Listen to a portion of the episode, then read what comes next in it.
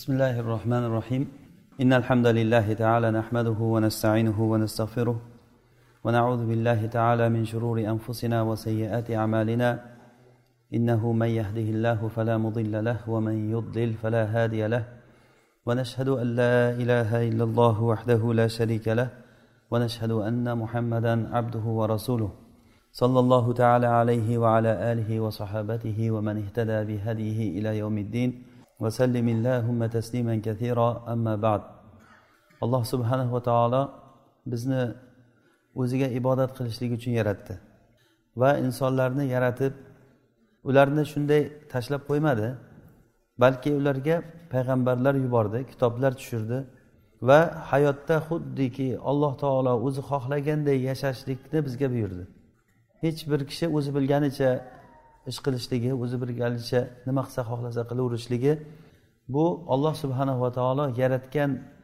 maqsadga xilof ish bu. Xuddiki alloh taolo koinotdagi bo'ladigan ishlarni o'zini qonuni bilan qilganiga o'xshab bu dunyoda ham odamlarni ichida bo'layotgan ishlarni muomalalarni faqat va faqat o'zini qonuni bilan bo'lishligini alloh taolo xohladi. Agar kimda kim mana shu qonunga teskari chiqadigan bo'lsa bu robbil alamin alloh subhanahu va taologa teskari chiqqan bo'ladi. Alloh subhanahu va taolo bizga hayotda yashashligimiz uchun hududlar chegaralar tuzib berdi. Va shunday bir chiziqlar chizdi bir ta'bir bilan aytsak chiziqlar chizildiki mana shu chiziqdan bu yoqqa o'tmagin. Agar o'tadigan bo'lsang zolim bo'lasan va unga jazolar tayinladi. Ya'ni buni biz ilmiy istilohda huquqlar deb aytamiz. Huquqlar bu alloh subhanava taoloni o'zini haqlari bor va bandalarni bir birini ustida haqlar bor.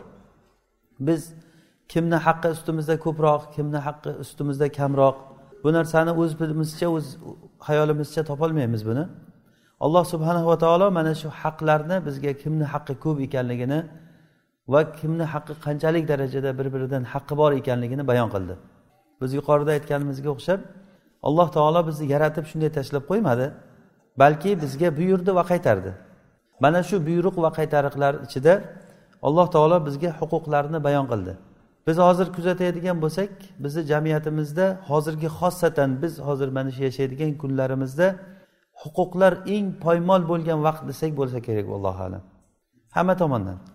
Insoniyat huquqlari poymol bo'lgan qo'shnichilik haqlari poymol bo'ldi ota ona huquqlari oyoq osti bo'ldi. Do'stlikka rioya qilishlik er xotinchilik o'rtasidagi aloqalar umuman olganda hamma huquqlar zoyi bo'ldi. Hech bir odam huquqlarga rioya qilishlik chunki bu narsa nimadan bo'ldi? Biz dindan uzoqlashib ketganligimizdan bo'ldi. Shariatdan uzoqlab uzoqlashib ketganligimizdan bo'ldi. Yaqinda men bir doktorni bir youtubeda bir gapini muhozirasini eshitib qoldim. Dunyoviy doktor kishi u kishi lekin bir hikmatli gapni gapiryapti ekan. Xitoy devorlari haqida gapirib turib xitoy devor qilgan dushmanlarni kirgizmaslik uchun ya'ni dunyoda eng uzun devor deb turib bir qancha vaqtlar unga odamlarni jalb qilib qancha mehnat bilan devor qurgan maqsad dushmanni kirgizmaslik uchun. Lekin mana shu yuz yilni ichida devor qurgandan keyin yuz yilni ichida dushmanlari ya'ni mangollar ularga uch marta hujum qilib bostirib kirgan. Kirganda ham haligi devorlarni buzib yo ustidan sakrab kirmagan ekan devorlarni eshigidan kirib kelgan. Haligi qarovul turgan kishilarga pul bergan o'tkazib yuborgan. U devor qirishni o'rniga odam tarbiyalashni esdan chiqargan. Biz hozir mana shu holatga kelib qoldik. Odam tarbiyalash degan narsa bizda yo'qolib ketdi. Masjidlar qurishlik masalan hammamiz ko'zimizga katta ish bo'lib ko'rinadi. Madrasa qurishlik katta ish bo'lib ko'rinadi. Lekin masjid qurishlik madrasa qurishlik bilan din rivojlanmaydi. Din mana shu masjidni ichidagi kishilar bilan rivojlanadi. Madrasa ichidagi toliblari bilan rivojlanadi. Rasululloh sollallohu alayhi vasallamni madrasalari qanaqa sharoitdagi madrasa edi? Madrasa o'zi bormidi? Rasulullohni madrasasi hayot edi. Rasulullohni hayotlari madrasa edi. Sahobalar ilmni rasulullohdan yashab o'rganishdi. Rasululloh masjidlarida agar yomg'ir yog'sa loyga sajda qilishardi.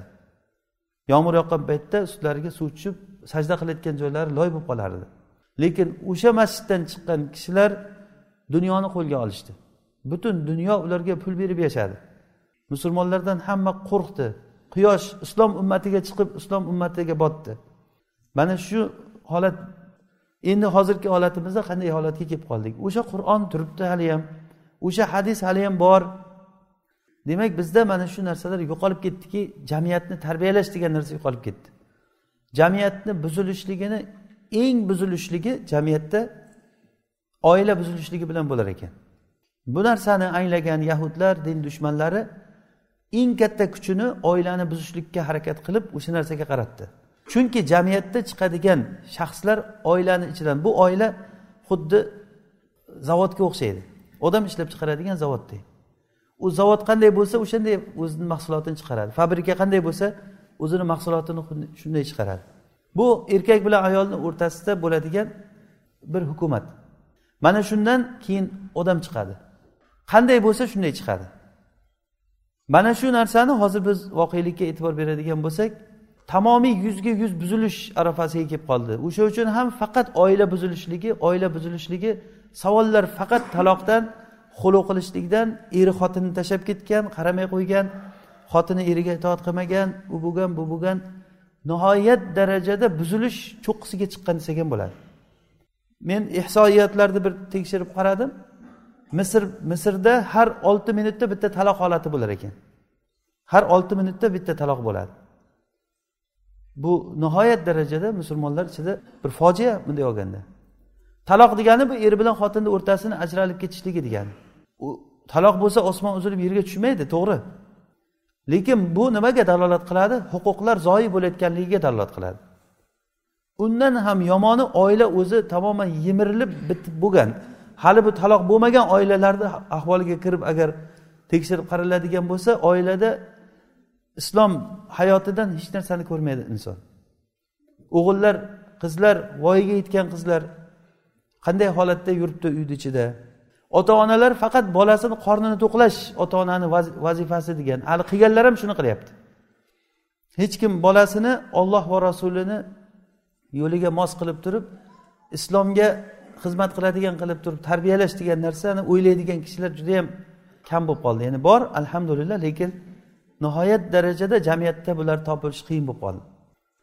Sufyani savriy masalan imomlardan islomda eng ko'zga ko'ringan aimmalardan sufyani savriy abdulloh ibn muborak imom al buxoriy imom shofiy bularni onalari shu darajagacha yetkazgan yetimlikdan katta bo'lgan. Imom shofiy rahimaullohni yoshligida otasi dunyodan o'tib ketgan. Onasi tarbiyalagan shu kishini. Lekin shofiy qilib chiqargan. Mana shunday shofiydek kishi qilib chiqargan. Abdulloh ibn muborak ham xuddi shunday bo'lgan. Va hokazo va hokazo. Imomlarga qaraydigan bo'lsak shunchalik tarbiyada chiqqan katta katta imomlar shularni onalari tarbiyalagan. Bizda mana shunaqangi jamiyatga e'tibor berish degan narsa yo'qolib ketdi. Aksincha buni buzish buni buzadigan eng vositalar cho'qqisiga chiqdi desak ham bo'ladi. Mana bu internet tarmog'ida bo'layotgan ishlar kinolar teleseriallar. Teleserialni ishi shu oilani buzishdan iborat boshqa narsa emas. Faqat fohishalikni o'rgatadi. Teleserial ko'rgan ayol ko'rgan erkakda qalbida fohishalikdan urug' ekilinadi. U keyin boshqa narsalarni quvvati bilan yana ko'karishni boshlaydi. Eri bor ayollar bemalol boshqa erkaklar bilan gaplashishlik oddiy bir holat qilib ko'rsatadi teleseriallarda. Eri bo'lib turib boshqa erkaklar bilan gaplashishligi boshqasini yaxshi ko'rib qolib u bilan turmush qurib ketishligi judayam oddiy holat. Juda oddiy holatki o'sha zinoga olib borayotgan yo'llar hammasi ochilinadi mana bu narsa bu atay qilinadi bunga pul sarflanadi. Bu narsani orqasida katta katta kuchlar turadi. Ayni ramazon oyiga to'g'irlab turib o'sha kinolarni olib kelib o'sha o'shanga hadya qiladi o'zlaricha. Bu aktyorlarni gaplari bor. Men ramazonda bir nimamni xalqqa hadya qilaman e, kinomni deb. O'sha kinolar bu narsalar orqali bizni jamiyatni musulmonlarni buzishlikka olib keladi. Bu narsaga erishib bo'ldi desak ham bo'ladi masalan eng din tarqalgan joy arablar bo'ladigan bo'lsa arablarni ahvoliga qarasangiz mana shu ahvolda. Biz endi o'zimizni o'nglashligimiz uchun nima qilishimiz kerak? Boshqa gap yo'q dinga qaytishimiz kerak. Iymon keltirishimiz kerak allohga qaytishimiz kerak. Agar allohga qaytmasak hech qachon o'nglanmaymiz.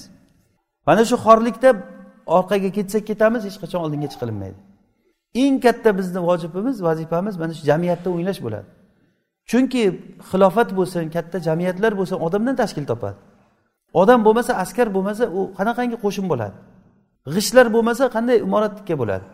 Mana shu biz qurmoqchi bo'lgan imoratni g'ishtlari har bitta shaxs bo'ladi o'sha.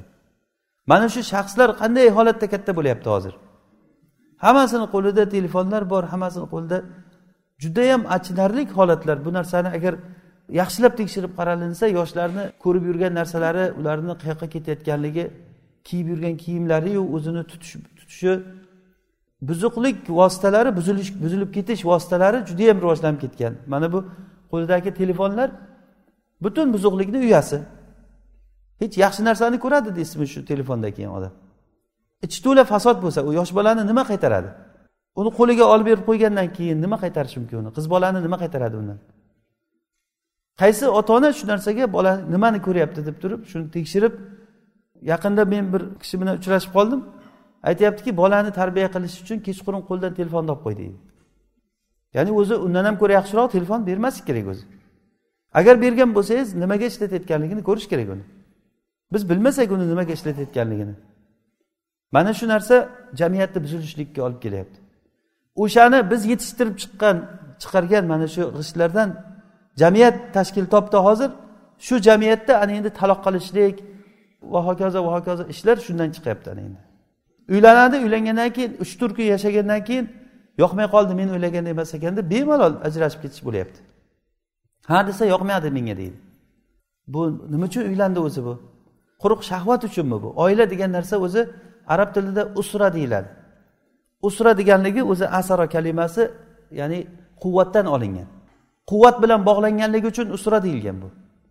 Alloh subhanahu va taolo oila haqida aynan nikoh haqida aytgan paytda qur'onda misaqon g'olizo deb ismladi buni. Misaqon g'olizo degani judayam qattiq va'da degani. Biz va'daga vafo qilishlikka buyurilganmiz. Ya ayyuhallazina amanu avfu bil uqud. Ey iymon keltirganlar ahdlaringga vafo qilinglar degan. Aqdni eng qattig'i oilaga beriladigan aqd. Er tomonidan xotinga xotin tomonidan erga beriladigan aqd. Mana shu narsaga vafo qilinglar degan. Qani vafo? Demak biz qaytishimiz kerak allohga qaytishimiz kerak. Bu uchun haqlarni bilishligimiz kerak bo'ladi. Erni xotin ustida haqlari bor xotinni erni ustida haqlari bor. Alloh subhanava taolodan so'rab mana shu haqda ozroq suhbat qilmoqchi bo'ldik. Bugun suhbatimizda xotinlarni ustidagi erlarni haqlari to'g'risida aytmoqchiman. Chunki bundan boshlaganimiz sababi alloh subhanava taolo aytgan qur'onda ar rijalu qavvamuna alan nisa. Erkaklar ayollardan ustun degan. Ya'ni oilada ro'zg'or boshi er bo'lishi kerak degani xuddi shuni buzish uchun oilada ayol kishi bilan erkak kishini huquqi teng deb chiqdi birinchi. Din dushmanlari undan keyin huquq ayol kishiga ko'proq berildi. Mana g'arbda shu narsani shohidi bo'lyapmiz ko'ryapmiz odamlar yashayapti. Birinchi o'rinda ayol turadi. Ikkinchi mushuk uchinchi kuchuk to'rtinchi erkak turadi deydi. Ya'ni bu judayam mashhur ularni ichida. Mushuklarni va kuchuklarni akramakumulloh ularni izzat obro'yi erkakdan ko'ra oldin ustunda turar ekan. Ya'ni buni bu nima uchun qilingan bekorga emas bu. Bu jamiyatni buzish uchun olloh subhanava taolo qo'ygan o'rindan boshqa yerga olib qo'yish bu. Alloh taolo aytdiki ar rijalu qavvamuna ala nisa. Erkaklar ayollarga ustun degan ro'zg'orda gap erkak kishini gapi bo'lishi kerak. Farzand bir joyga bormoqchi bo'lsa otasidan so'rab borish kerak onasidan emas. Otasidan so'rab ish qilish kerak. Qiz bola turmushga chiqmoqchi bo'lsa erkak kishi kimga bersa shunga tegadi qiz bola. Agar shu rozi bo'lmasa u nikohi botil degan rasululloh sollallohu alayhi vasallam. Qaysiki ayol kishi agar valisini roziligisiz nikohlansa uni nikohi botil botil botil uch marta aytganlar. Nima uchun? Chunki ar rijalu qavvamuna ala nisa erkaklar ayollardan ustun ular boshliq. Bu narsani olloh subhanava taolodan so'rasin kim bunday qildi deyotgan bo'lsa agar. Chunki olloh shunday yaratgan. Olloh ayollarni mana shunday holatda yaratdi erkaklarni mana shunday holatda yaratdi. Merosda ham o'zi xohlaganday taqsim qildi alloh taolo. Va jamiyatda eng isloh bo'ladigan eng adolat eng rahmat bo'lgan hukm alloh subhanava taoloni hukmi. Vaman ahsanu minallohi hukman liqavmin yuqinun. Kim ollohdan ko'ra hukmda yaxshiroq agar ollohdan ko'ra boshqa hukm bor degan odam bu iymonini yangilashi kerak. Ollohni hukmidan ko'ra boshqa hukm yo'q. Bo'lishi mumkin ham emas. Aynan shu narsaga ular birinchi pog'onasida hayotda birinchi pog'onasida ayol bilan erkakni huquqi teng degan o'zlaricha rahmlik adolatlik bir davoni ko'targan kishilar bo'lib turib kirib kelishdi. Mana shu bilan keyin jamiyat buzilishligi boshladi. Ya'ni alloh subhanahu va taolo ayollarni o'zi asli ayolni erkakdan yaratdi. Shuning uchun ham arab tilida maratun deyiladi. Maratun erkak kishi marun deyiladi ayol kishi maratun. Ya'ni bu ayol erkakdan olinganligi uchun. Bo'lib ham erkakni qobirg'asidan erkakdan shu bitta erkakdan uni ayolini yaratdi liyaskuna ilayha. Maqsad nima? Erkak erkakka ayol kishi sakan bo'lishligi uchun. Demak ayolni yaratilishligidan maqsad er xotinchilikda xotinni maqsadi xotinni o'rni erkak kishiga sakan bo'lishi kerak. Nima degani sakan degani? Sakan arab tilida sukunatdan ya'ni xotirjamlik bo'lishligi uchun. Erkak kishi xotinini oldiga borgan paytda bir xotirjamlik sezish kerak. Uyga kirgan paytda xotirjamlik sezish kerak. Agar uyga kirgan paytda tashvish bo'lib xotirjamligi ko'chada bo'lib ichkariga kirsa xotirjamligi yo'qoladigan bo'lsa bilib qo'ysinki o'sha ayol o'sha ayol kishi o'zini maqsadini qilmayapti degan u uchun yaratilingan maqsadda turmayapti u. yana alloh subhanava taolo liyaskuna ilayha deb aytdi. Liyaskuna ilayhi liyaskuna maaha demadi.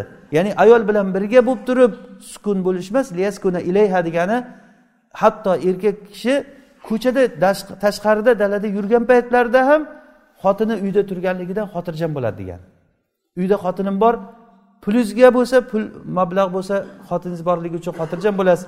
Uyda farzandlaringizga xotiningiz qarab turganligi uchun xotirjam bo'lasiz. Qarri ota onangiz bo'layotgan bo'lsa xotinim borku deb xotirjam bo'lasiz. Moli dunyoyingiz uchun xotiningizga xotirjam bo'lasiz. Va hokazo shuning uchun ham liyaskuna ilayha deyilgan. Xotinidan shubhalansa uni to'shagidan shubhalansa kishi uni omonatidan shubhalansa pulini o'g'irlab qo'ysa xotini masalan o'g'irlab ishlatib yuborsa undan xotirjam bo'lmasa odam o'g'irlab turib o'zinikilarga yoqqa bu yoqqa berib yuborsa eridan so'ramasdan masalan demak u unaqangi hayotda bir xotirjamlik bo'lmaydi. Erkak bilan ayol o'rtasidagi eng bog'lab turayotgan rishta bu birinchi o'rinda shu sakan bo'lishligi. Erkak kishi xotinga xotirjam bo'lishi kerak. Rasululloh sollallohu alayhi vasallamga vahiy kelishidan oldin rasulullohga xoli qolishlik yaxshi ko'rsatilgan. Rasululloh sollallohu alayhi vasallam hiro g'origa borib turib oylab ibodat qilar edilar oylab. Va shu uchun o'zlariga oziqa olib olardilar yeydigan narsalarini olib g'orda bir o'zlari qolib turib faqat ollohga ibodat qilgan. Va uylariga qaytib kelardilar. Uylariga kelgan paytlarida hadicha onamiz u kishini yana qancha vaqtga kerak bo'lsa shuncha yetarli oziqalarni tayyorlab berib sharoitlarini qilib berib yana jo'natardi hadicha onamiz o'sha uchun ham shunchalik oqila rasulullohga o'zini hayotini bag'ishlaganligi uchun ham u kishini shunday ajrini alloh taolo komil qilib berdi. Hattoki vahiy kelgan paytda rasululloh juda qattiq qo'rqib ketdilar. Farishta kelib turib rasulullohga o'qi dedi o'qi dedi. Nimani o'qiyman men o'qishni bilmayman deganda g'orda bo'yraga qisdilar. Bir qisdilarki hatto rasulullohga bir qiyinchilik yetib qoldi shundan. Uylariga keldilar qattiq qo'rqib ketgan edi rasululloh. Meni o'rab qo'yinglar o'rab qo'yinglar deb aytgan aytdilar. Rasulullohni o'rab qo'ydilar. Keyin o'zlariga kelgandan keyin ancha o'zlarini bosib olganlaridan keyin bo'lgan voqeani aytib berdilar. Shunda hadisha onamiz judayam rasulullohni xotirjam qilib qo'ydi. Siz xotirjam bo'ling sizga hech narsa yomonlik tegmaydi degan. Vallohi lan yuhziyakallohu abadan. Ollohga qasamki olloh sizni hech qachon sharmanda qilmaydi bir yomonlikka uchratmaydi degan. Ya'ni ayol kishi hali unga vahiy kelgan emas. Bir kitob o'qib olim bo'lgani yo'q. Lekin rasulullohni ishlaridan mana shu narsani u kishi aytdilarki chunki siz nihoyatda yaxshi odamsiz degan rasulullohga. Ya'ni umumiy qilib aytganda shu gaplarni aytgan. Qarindoshlarga bordi keldi qilasiz qiynalgan odamlarga yordam berasiz. Va hokazo va hokazo rasulullohni xulqlarini sanab turib bunday kishi hech qachon xor bo'lmaydi degan. Ya'ni xotin kishi mana shunday bo'lishi kerak ana bu sakan degani.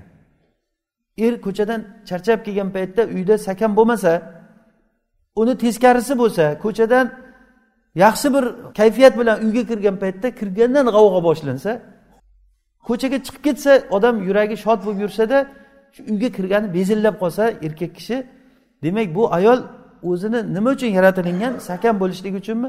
Shu ishini qilmayapti degani tamom. Nima keragi bor unaqa ayolni degani?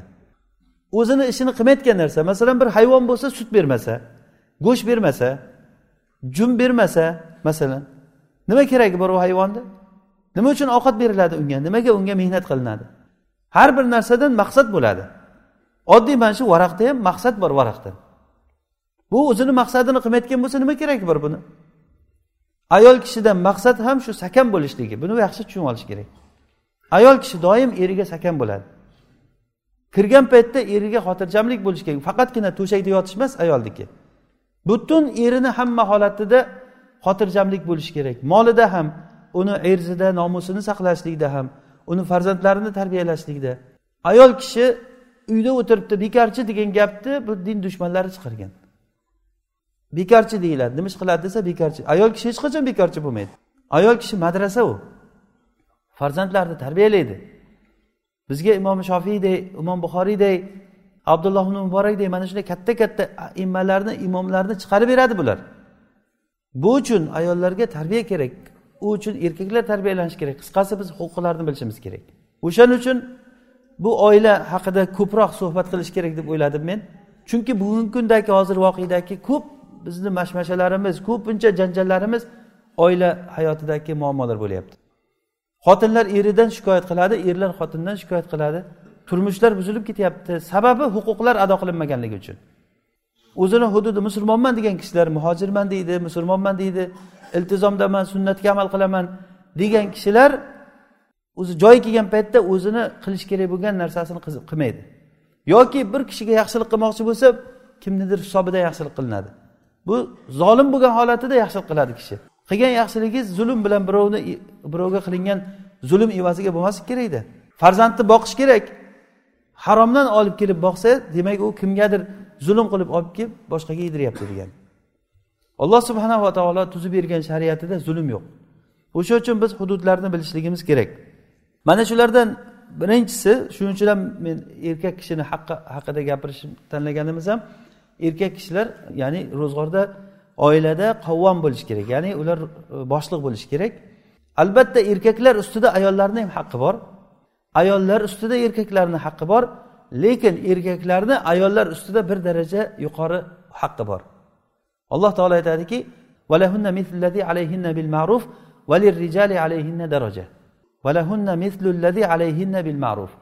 ayollarni ustida qanchalik haq bo'lsa erkaklarni ustida ham xuddi shuncha haq bor. Ya'ni er xotinni o'rtasida bir biriga sherikchilik haqlari bor. Masalan hurmat. Ayol erini hurmat qilishi kerak bo'lgani kabi er ham ayolini hurmat qilishi kerak. Masalan noto'g'ri jamiyatda katta bo'lgan kishilar er kishi ro'zg'orda boshliq bo'lishi kerak degani ayolini behurmat qilib gapirish kerak deb tushunadi. Bu g'irt noto'g'ri narsa bu. Bu aynan shu olloh subhanava taolo xohlagan hayotni buzishlikka olib kelayotgan narsa. Erkaklar ayollar bilan teng huquqli joylar bor oilada. Inshaalloh ular haqida keyinroq gapiramiz. Masalan to'y qilish haqqi to'y qilishda ayolni ham haqqi bor erkakni ham haqqi bor.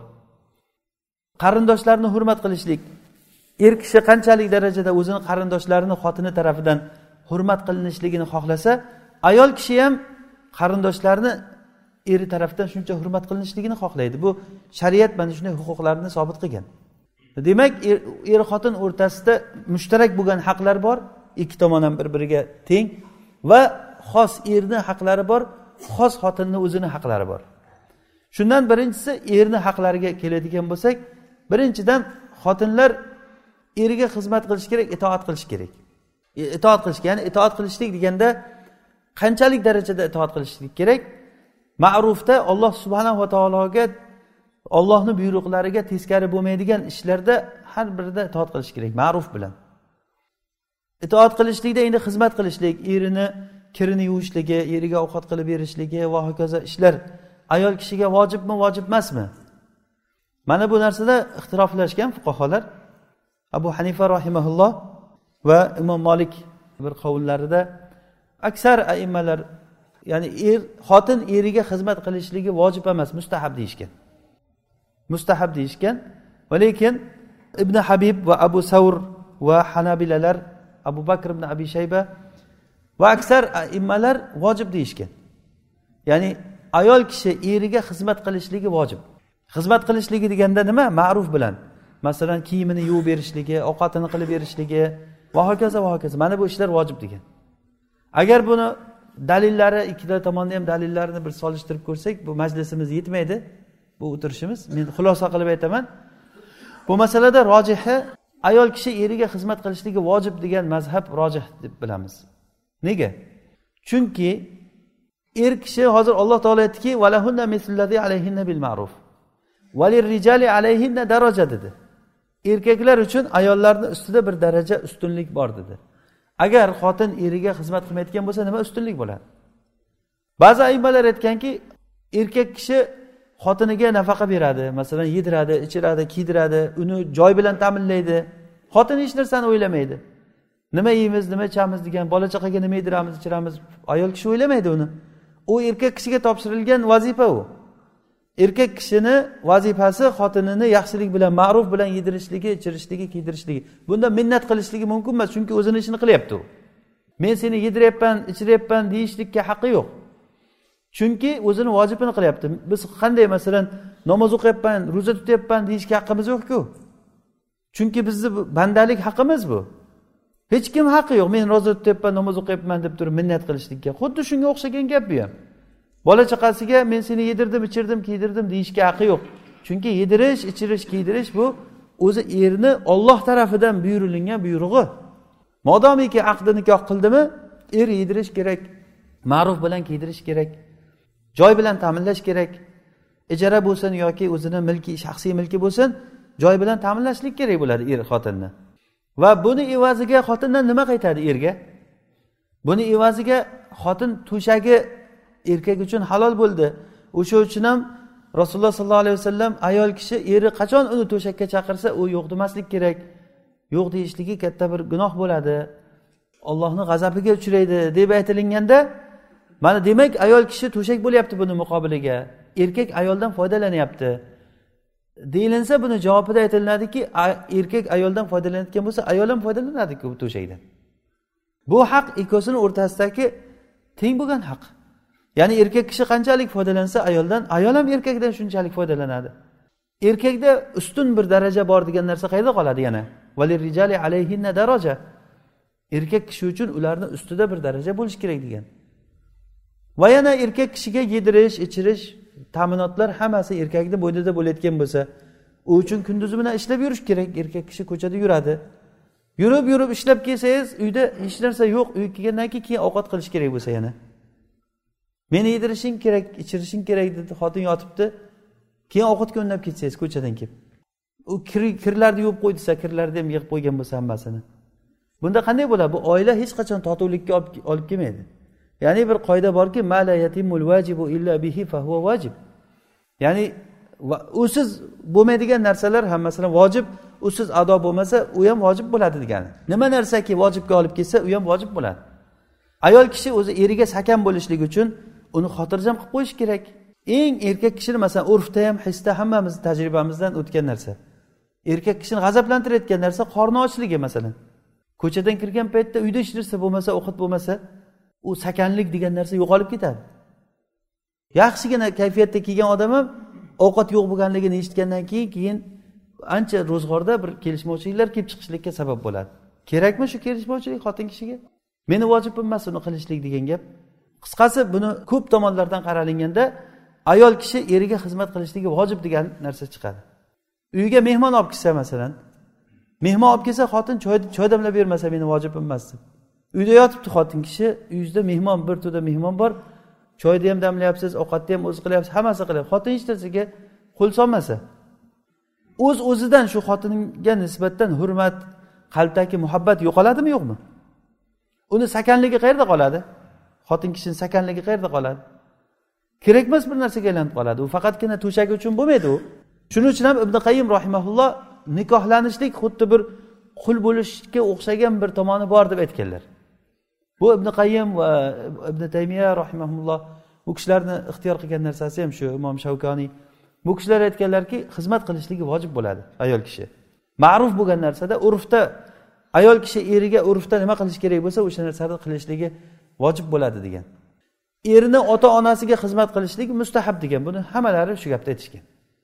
Erni ota onasiga xizmat qilishligi mustahab vojib emas.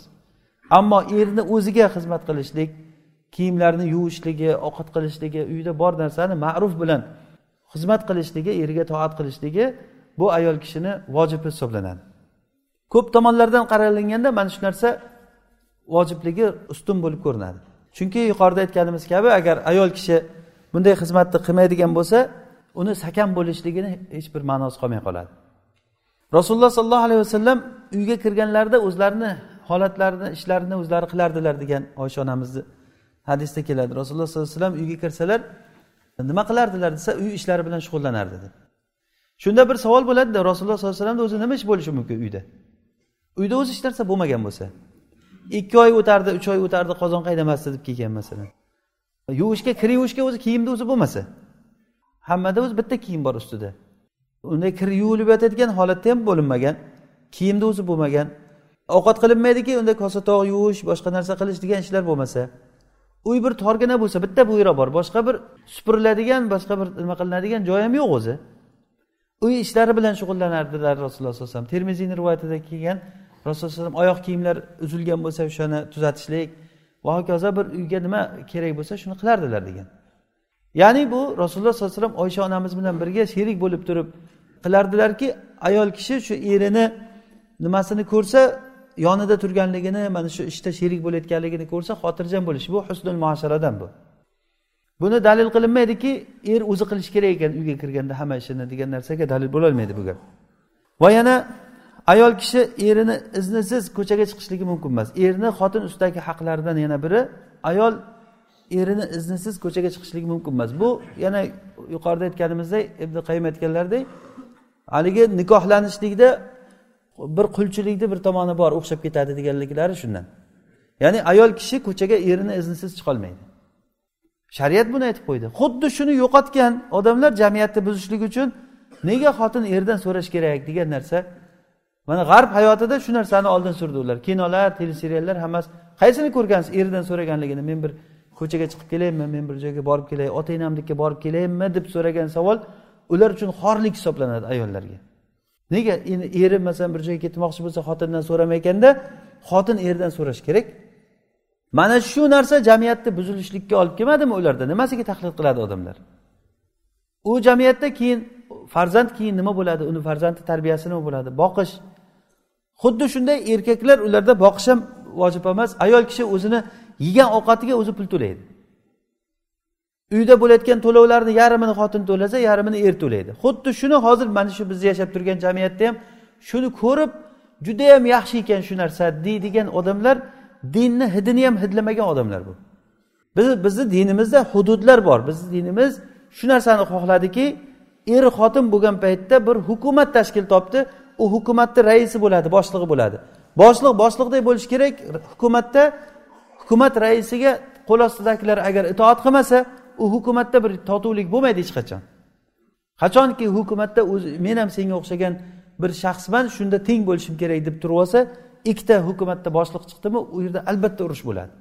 Hech qachon unda totuvlik bo'lmaydi. Bunisi o'ziga tortadi bunisi o'ziga tortadi. Buni hammamiz bilamiz buni. Xuddi shu narsani musulmonlarga ular tadbiq qilmoqchi bo'ldi. Uni xotin kishini mazlumligi tarafidan kirib keldi ular. Sen mazlumsan sen haqingni bilmaysan sen mutahallifsan sen qaloq o'qimagan odamsan. O'qimishlik ayollar eriga itoat qilmaslik kerak. O'qimishlik ko'cha ko'rgan oliy ma'lumotli ayollar bo'lgandan keyin ular tushungan ayol bo'lgandan keyin eriga itoat qilmaslik kerak ular. Chunki ular o'zini haqqini huquqini biladi himoya qilishlikni qishloqda o'sgan hech narsani bilmagan maktabda o'qimagan qizlar bo'layotgan bo'lsa gap shu ekan deb yuraveradi deb mana bu buzishlikni bir katta bir yo'li bo'ldi bu. Xuddi kinolarni anavisi shu buzishlik nimasi? Shaytonlar mana shu odamlar doim mana shu oilani buzishlikka harakat qildi. Biz ularni hammasini yig'ishtirib tashlab qur'oni sunnaga qaytishimiz kerak. Ho'p qaraylik qur'oni sunnada haqlar nima o'zi? Xotin kishi qanday darajada bo'lishi kerak? Demak xotin kishi eriga itoat qilishi kerak. Eriga xizmat qilishi kerak. Va erini iznisiz ko'chaga chiqishligi mumkin emas. Erini iznisiz agar ko'chaga chiqib ketsa mana rasululloh sollallohu alayhi vasallam bunda hozir bir hadislar bor. Inshaalloh darsimiz davomida men o'qib beraman. Sunani termiziyda hadis kelgan. Buni hasan degan ekanlar termiziy rahimaulloh abu umamatil bahiliy roziyallohu anhudan rasululloh sollallohu alayhi vasallam hajjatil vadoda aytgan ekanlar. Hajjatil vadoda ayol kishi erini uyidan biror narsani chiqarmaslik kerak degan. Erini uyidan biror narsa chiqarmaslik kerak. Hatto taom hamma ey rasululloh deb so'radilar. Hatto taom ham chiqarish mumkin emas. Eridan beso'roq bir joyga bir narsa berib yuborish mumkin emas. Hatto taomni hamma deganlarida bizni eng yaxshi molimiz o'zi taomku dedilar rasululloh. Ya'ni eng yaxshi molimiz taomku bu degani eng yaxshi narsani berib yuborasanmi degani. Demak ayol kishi erini uyidan otasiniga bo'ladimi qo'shnisiga bo'ladimi boshqaga bo'ladimi nimani berib yuborsa u o'g'irlik hisobida bo'ladi. Muxolafat bu shar'iy xilof bo'ladi. Agar o'ziniki shaxsiy mulki bo'layotgan bo'lsa mahriga olingan narsa bo'lsa yo o'zini tijorati bo'lsa yo merosga tushgan bir qanday bo'lsa ham o'zini shaxsiy mulki bo'lsa u xohlagan narsasiga sarflayveradi uni. Ayol kishi o'ziniki o'ziga. O'shanda ham eri bilan husnul muosara yaxshi yashashlik uchun erini ko'nglini xotirjam qilishlik uchun mana shu joyga men shu pulimni sarflamoqchiman deb eriga aytishligi mustahab narsa u. Chunki bu erni ko'nglini sindirib qo'yishlikka olib kelmaslik kerak. Chunki xotin sakan bo'lishi kerak eriga dedikku u ayol eriga itoat qilishligi erini buyrug'idan chiqmasligi degan narsalarga tagiga kirgizib qarasak agar hatto o'zini puli bo'lgan narsalarda ham eridan bir ko'nglini xotirjam qilishlik uchun maslahat tarzida men shuni shu yoqqa berib yubormoqchiman berib yuboryapman deb aytib qo'ysa yaxshi bo'ladi. Lekin so'rashligi shart emas uni. Ammo eriga tegishli bo'lgan narsa bo'lsa hozir o'qigan hadisimizda abu umamani hadisida rasululloh sallallohu alayhi vasallam biror narsani ayol kishi chiqarishligi uyidan chiqarishligi mumkin emas degan. Ammo oysha onamizdan sahihaynda kelgan hadisda qaysiki ayol erini molidan bir joyga bir nafaqa qilib yuborsa eri bilmasda eri bilmasdan nafaqa qilib yuborsa eriga ham yarim ajri eriga bo'ladi degan hadis kelgan. Bu ikkala hadisni bir biriga teskarchiligi yo'q.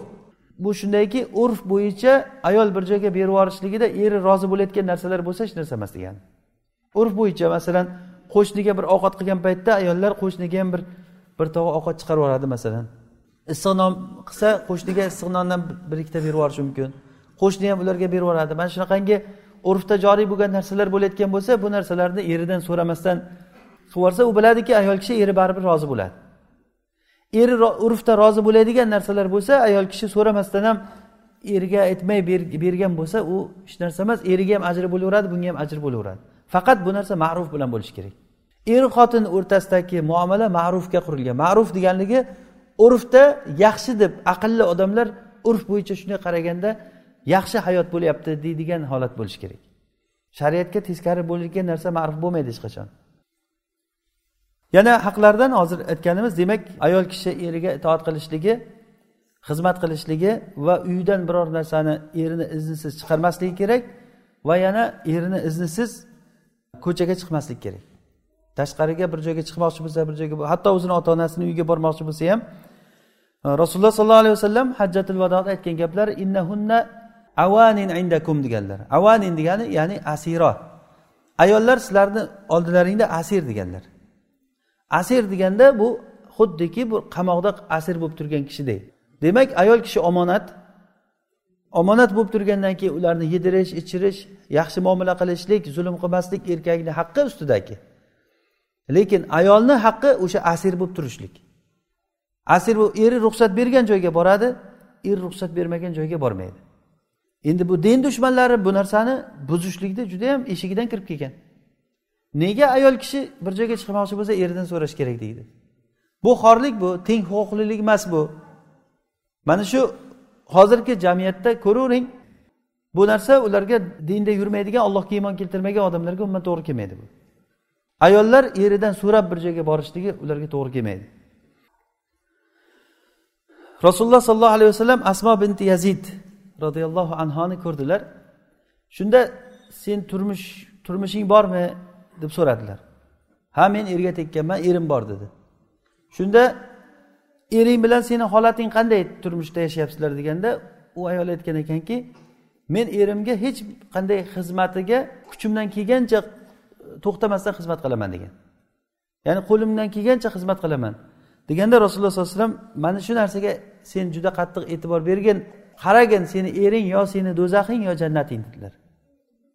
Ya'ni bu ering seni yo jannating fa innahu jannatuki av naruki degan ekanlar. Ya'ni ering seni yo jannating yo seni do'zaxing. Bu degani shu er sababli do'zaxga kirasan yo shu er sababli jannatga kirasan degani hop sahihda rasululloh sollallohu alayhi vasallam aytadilarki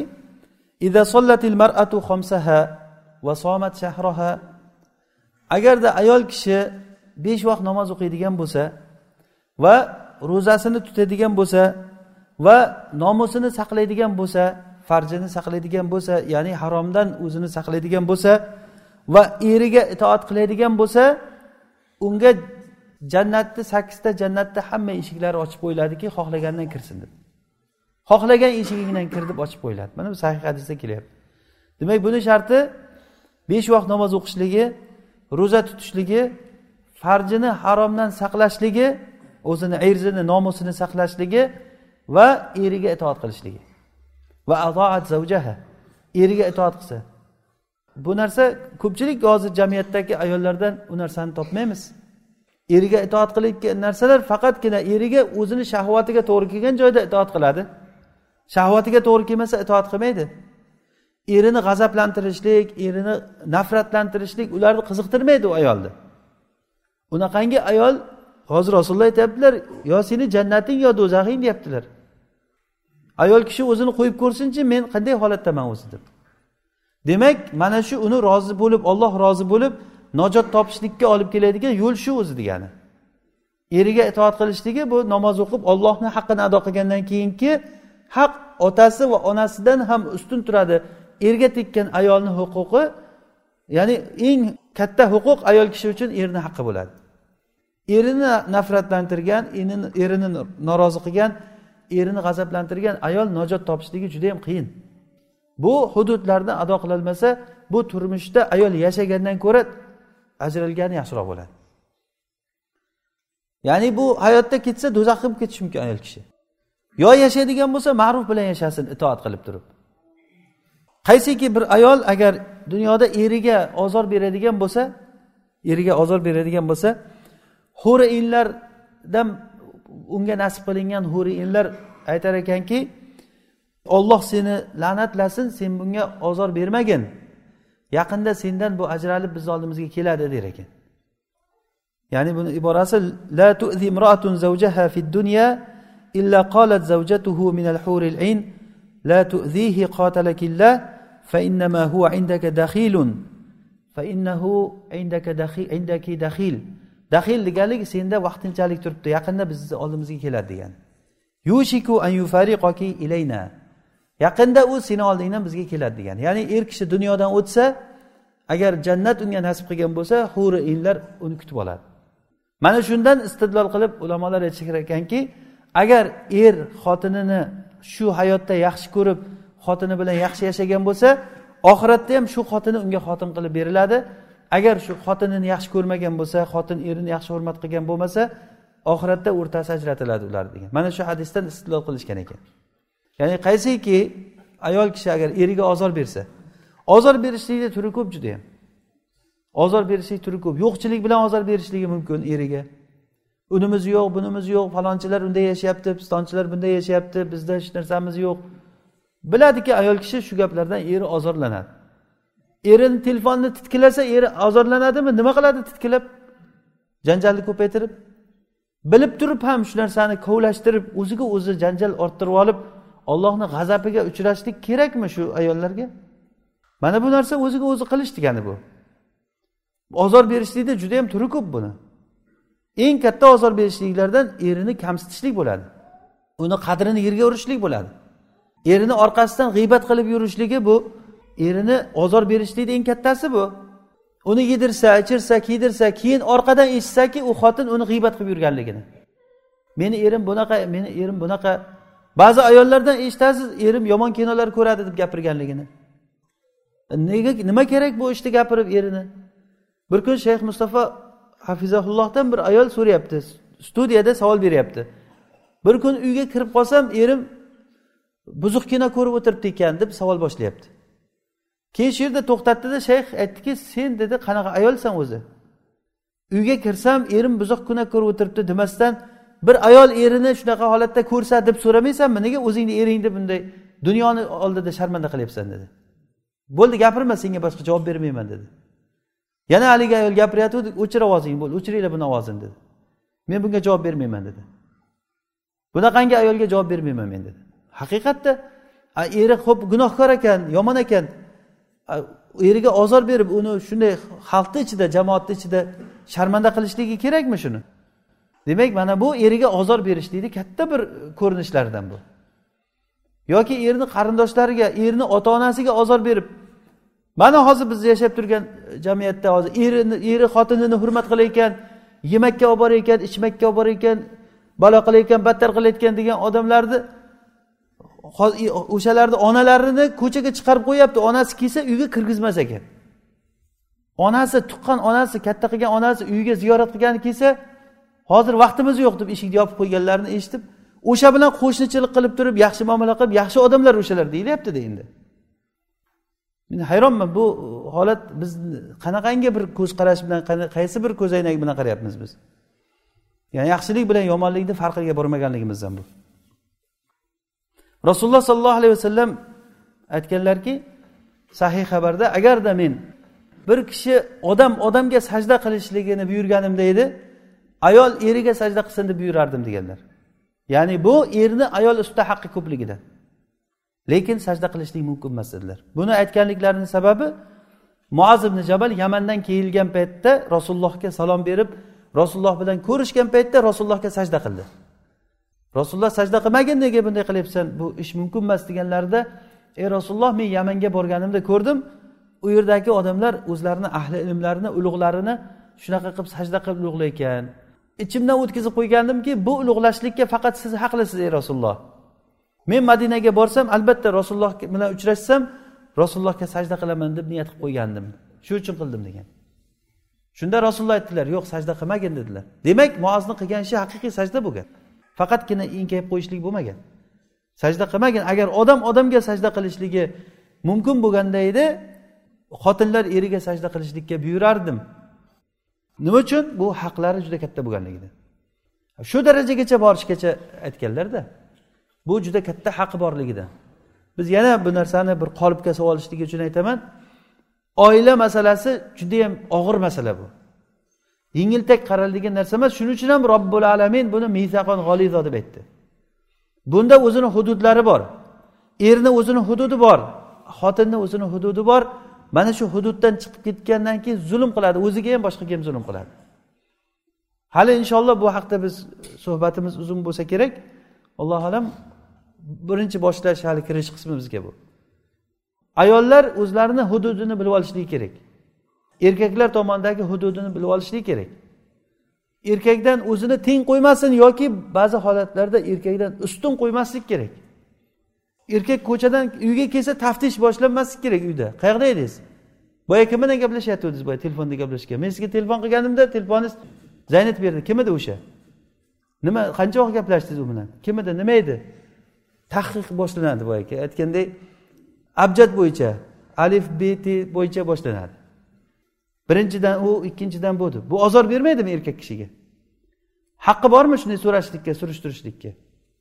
Nima meni haqqim yo'qmi degan narsalar bu kino ko'rishdan o'rganilingan narsalar.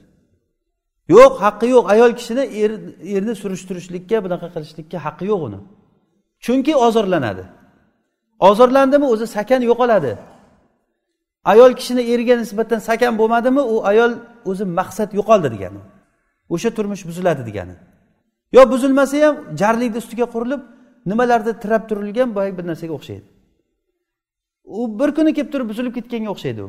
Shakl turgan bilan. Qancha qancha oilalarni ko'rasiz shakli oila bo'lib turgan bo'ladi.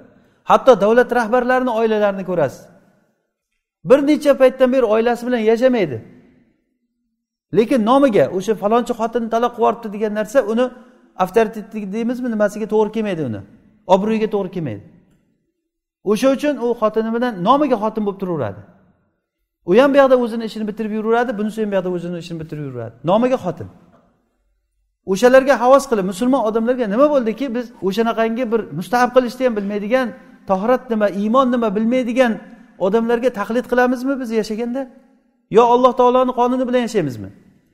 Agar musulmon bo'layotgan bo'lsak ollohni qonuni bilan yashayotgan bo'lsak biz o'zimizni hududlarimizni bilaylik. Bizni hududlarimiz mana shu. Alloh taolo buyurgan narsani qilishligimiz kerak. Bu hayot bir qisqagina hayot. Hayot hammamizdan o'tib ketadi bu hayotda janjal mojarolar bilan qalbimizni hiqtga bir birimizga bo'lgan gina gudratlarga to'ldirsak kerakli narsada mashg'ul bo'lib qolamiz biz. Bu narsani eng kattasi er xotin o'rtasidagi shu tortishuv janjallar.